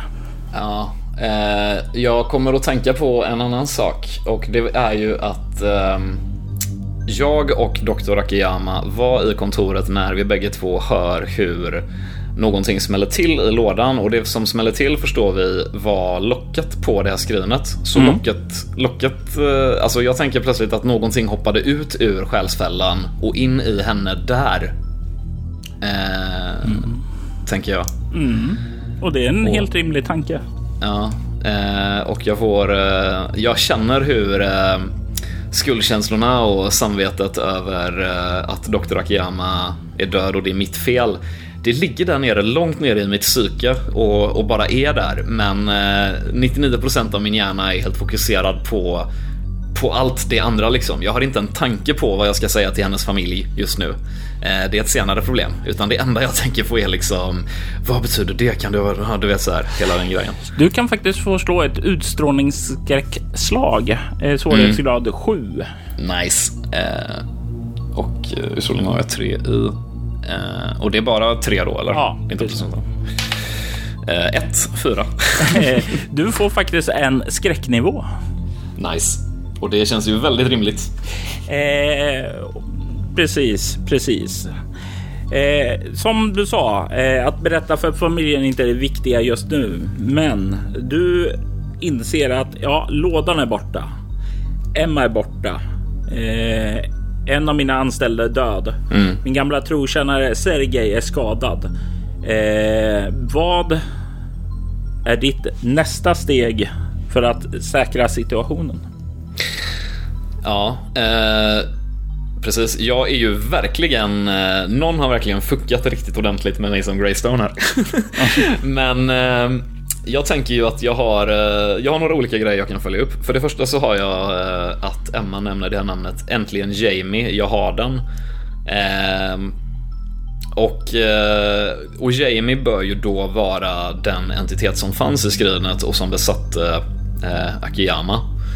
Så... Ehm, eh, och att hon på något sätt har kunnat, har kunnat tala till den hela tiden. Liksom. Sen så har jag ju också förmodligen det här väsendet i mig på något sätt. Som eh, jag inte riktigt vet hur det fungerar. Ehm, och om väsendet kan observera allting jag gör så har ju det också kunnat dra en hel del slutsatser nu, förmodligen. Eh, det har nog kunnat dra slutsatsen att eh, att jag haft Emma i mitt förvar, att jag gett henne skrinet och att hon nu är borta. Liksom. Mm. Eh, också. Eh, så jag har ju tappat väldigt mycket av, eh, av mitt förhandlingsläge mot, mot, den, mot syndaslukaren, känns det som. Eh, shit, är det här början på slutet för mig som Greystone? det känns nästan så. men, eh, men det jag fortfarande har är ju att eh, Emma vill ha eh, asken, men hon vill nog inte ha den. Hon kanske inte vill ha den för att stoppa syndaslukaren då, utan för att eh, befria någon ur asken snarare. Eh, den här Jamie då kanske. Eh, jag tror... Ehm, ja. Jag försöker nog... Ehm, eh, jag kontaktar Shiguru. Eh, Shiguru stannar. Shiguru, hur eh, går arbetet? Han har gått på ett tag med det nu i och för sig. Det, det är uppstädat och dokumenterat. Mm. Utifrån alla bevis som är lämnade så verkar det som om eh, händelseförloppet som har varit är att eh, det är Sergejs pistol eh, som har använts i båda eh, situationerna. Mm. Hon har troligtvis tagit den ifrån honom, skjutit honom, tagit sig till hissen och eh, ja, tagit sitt eget liv.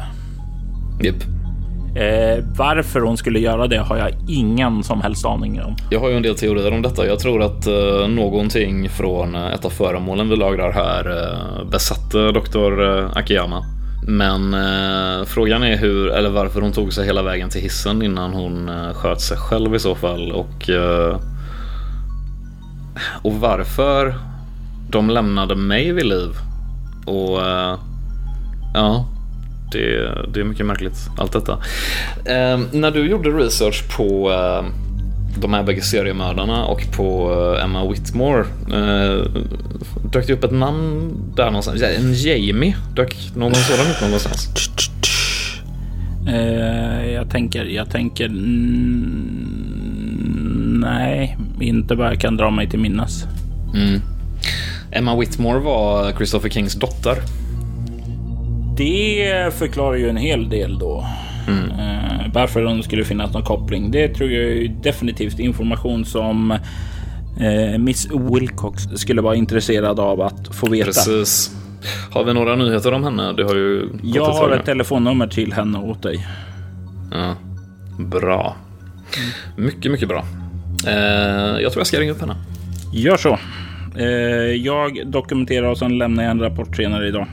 Tack.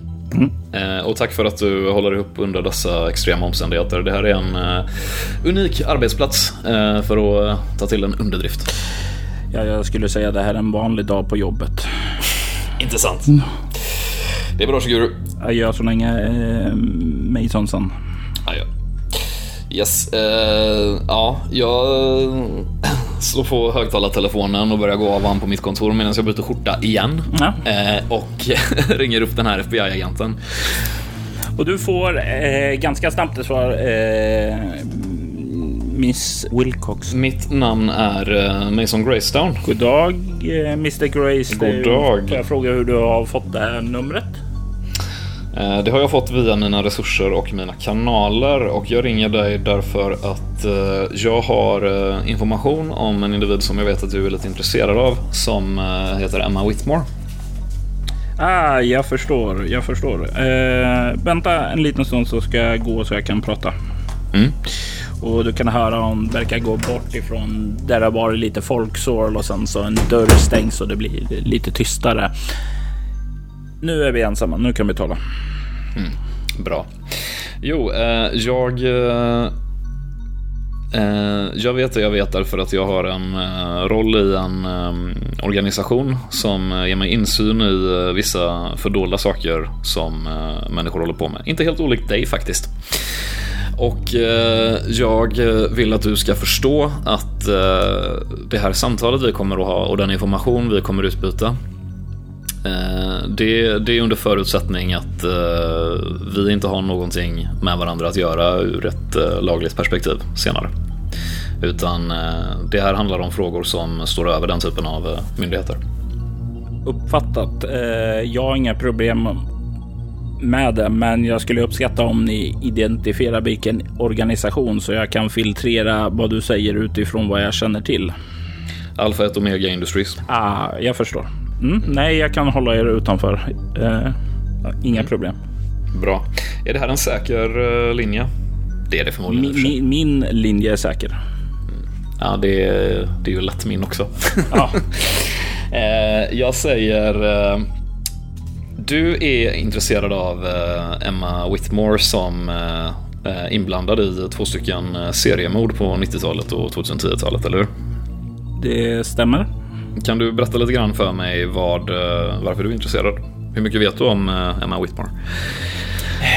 Eh, Emma Whitmore såg jag första gången när vi grep Christopher King. Hon flydde från platsen då vi trodde hon var ett av hans offer som lyckades ta sig fri. Ehm, och ehm, vi ville ha henne som vittne då mot Christopher King. Mm. Eh, Christopher King han lyckades ju dock få fälld och satt i fängelse. Eh, han satt där fram tills han eh, avled i, ja, vad var det, 2002? Jag tror han gick bort. Mm. Eh, och eh, därefter så kändes ja, men fallet är avslutat och så. Det var inget mer med det. Vi gick vidare med våra liv. Men så började det dyka upp eh, nya mord, sadistiska sådana som påminde väldigt mycket om Christopher Kings eh, mord. Eh, jag öppnade en ny ja, eh, utredning om det här och eh, det var 2011 som mm. jag fick in vittnesmålrapport om att Ramon hade eh, vad heter det kidnappat en kvinna. Jag tog mig till platsen, fick in eh, brottsfoton och ja, där så kände jag igen kvinnan som han hade kidnappat. Mm. Eh, den här kvinnan eh, var blond nu istället för rödhårig som tidigare, men jag kände igen dragen. Mm. Och det var eh, Emma Whitmore, eller rättare sagt, jag fick tag i information om henne några år senare. Eh, när jag fann henne i en liten stad som kallades för Nightshade i södra Amerika. Hon hade rotat sig där under kort stund, eh, gift sig med en man som kallas för Jamie Walker. Ah. Och, och eh, men när jag väl kom dit så hade de eh, ja, dragit vidare och sedan dess har jag inte funnit några spår på henne. Men uppenbarligen så lyckades hon ta sig fri från Araya. Mm. Men jag har inte sett Araya, men jag har sett eh, fortsatta kroppar av honom. Mm. Emma Whitmore var Christopher Kings dotter. Ah, så hon var vid liv. Vi, vi trodde alltid att eh, dottern Sarah King, som hon hette då, var eh, död. Ja. Hon var inte listad i public schools eh, efter hon eh, kommit upp eh, några årskurser utan hon försvann då. Precis och eh, hon hon uppfostrades av Christopher King till eh, samma bestialitet som han eh, visar exempel på.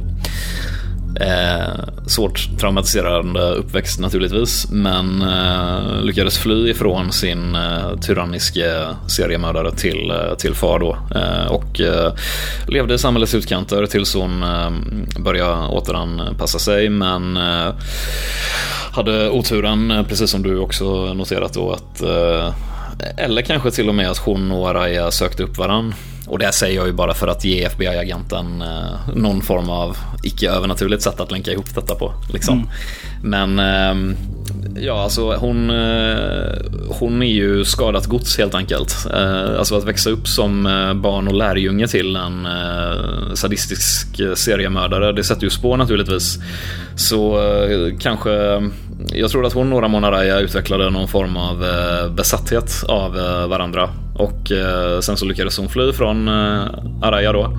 Men eh, han är ju besatt av henne och fortsätter jaga henne helt enkelt. Mm. Och, eh, och någonstans där så hamnar hon hos eh, mig därför att eh, hon gör inbrott i en eh, av mitt företags faciliteter på ett oerhört professionellt sätt på jakt efter ett, ett specifikt konstföremål som har väldigt stor betydelse för henne och Jaraya. Okej, okay. eh, min första fråga är ju, och det här förstår jag om du kanske inte vill säga, men jag tänker fråga ändå. Var är er bunker någonstans? Japan. Det är ju intressant för jag inte sett några spår på att hon skulle dra sig utomlands. När försvinner eh, ert spår efter henne? Ja, vi har haft sporadiska, eh, vad heter det, sightings av henne. Eh, att hon, vi har fått in rapporter om att hon har synts till på diverse platser över hela USA. Mm. Som om hon är på resande fot. Ja, just det. Och eh, Araya, har ni eh, någon aning om eh, när han senast... Eller han är... Nu ska vi se. Araya är... Eh, han är fortfarande på fri fot, ja. Just det. Vi har inte sett spåret av honom annat än i de efterlämnade kropparna. Mm. Jag pratade nämligen med Emma Whitmore en stund. Vi lyckades tillfälligt, vår säkerhetspersonal, övermanna henne. Men hon, hon lyckades bryta sig ut i alla fall med det här konstföremålet som hon kom över. Och, så nu har hon det här konstföremålet som är så viktigt för henne och Araya. Och Eh, jag hörde henne också nämna Jamie som att hon pratade till Jamie med någon komutrustning kanske. Okay. Eh, har ni Jamie Walker? Är han, eh, är han levande enligt era records? Det sista som sagt var är ju att han är resande tillsammans med henne. Mm, just det. Eh, och eh, ja, det som jag tror att de kommer göra är att eh, de kommer försöka Eh, de kommer försöka leta rätt på Araya och eh, ta livet av honom nu när de har det här konstföremålet som de är så besatta av. Konstföremålet du talar om. Mm. Vad är det? Ett eh, ganska oansenligt träskrin med ett mönster i locket. Okej. Okay. Låter det bekant? Nej, men uppenbarligen måste det ha någon form av låt oss säga kvalitet? Ja, eh, i deras eh, livsvärld så eh, är det ett fängelse för själar på något vis. Och eh, Emma Whitmore har villfarelsen att, eh, att eh, hennes mor hämtade ett, en ond ande och satte i hennes far och att det var detta som fick honom att mörda. och det har någonting med den här asken att göra då. Hmm. Du kan höra att hon verkar ta anteckningar på andra sidan där. Mm. Notera att det är bara intressant information. Min organisation eh, besitter ju som du säkert känner till eh, stora resurser och eh, inte minst har jag själv en hög position i den här organisationen. Och som du säkert förstår så är jag väldigt mån om att få tillbaka eh, det här konstföremålet, det här skrinet. Eh, och eh, jag är beredd att bistå dig och att vi kanske kan hjälpas åt här. Att slå våra kloka, kloka huvuden ihop och att du kan få tag på Whitmore och att jag kan få tag på det skrinet.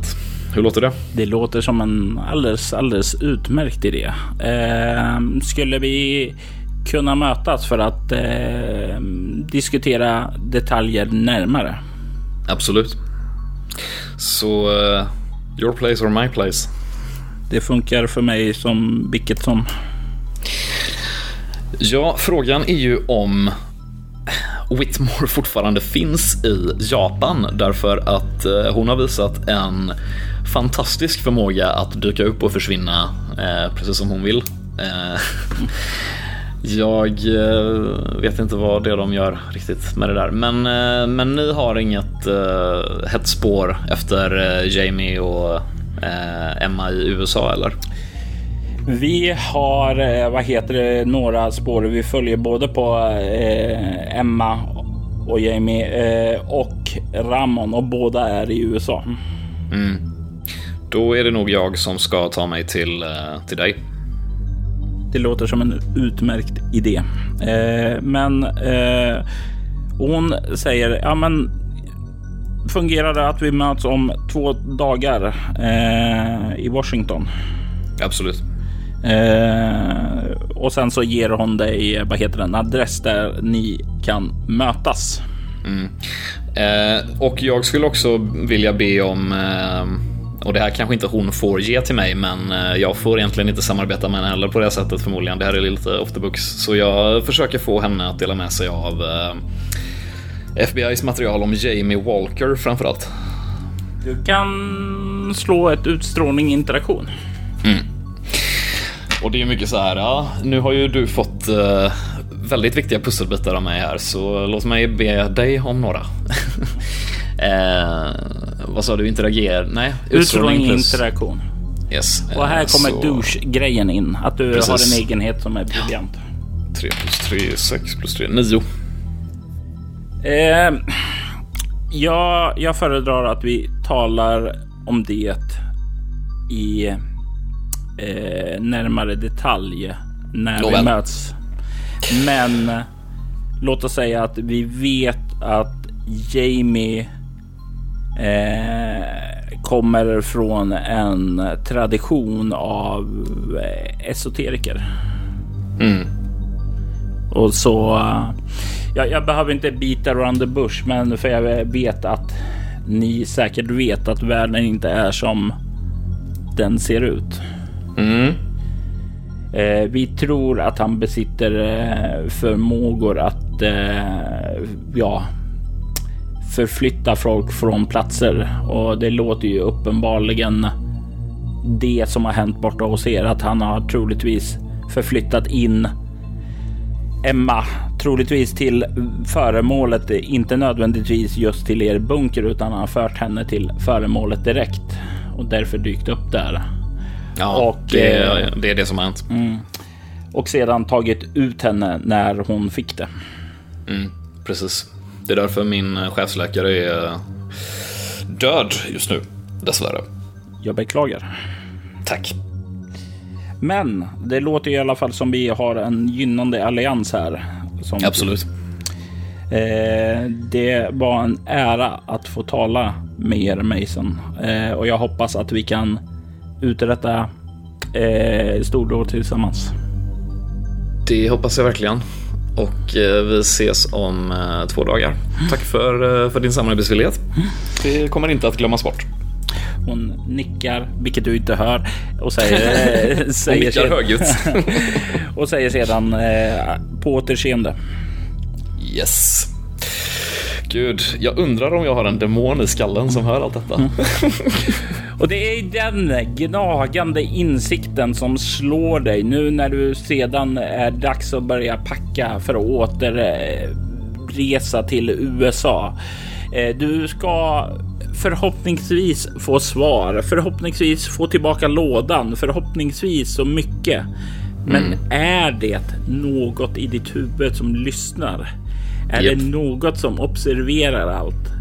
Kommer det att bita sig i rumpan senare? Kommer det gå som du vill eller kommer någon fälla krokben för dig? Mm. Svaren är någonting som kommer att rullas upp i nästa avsnitt.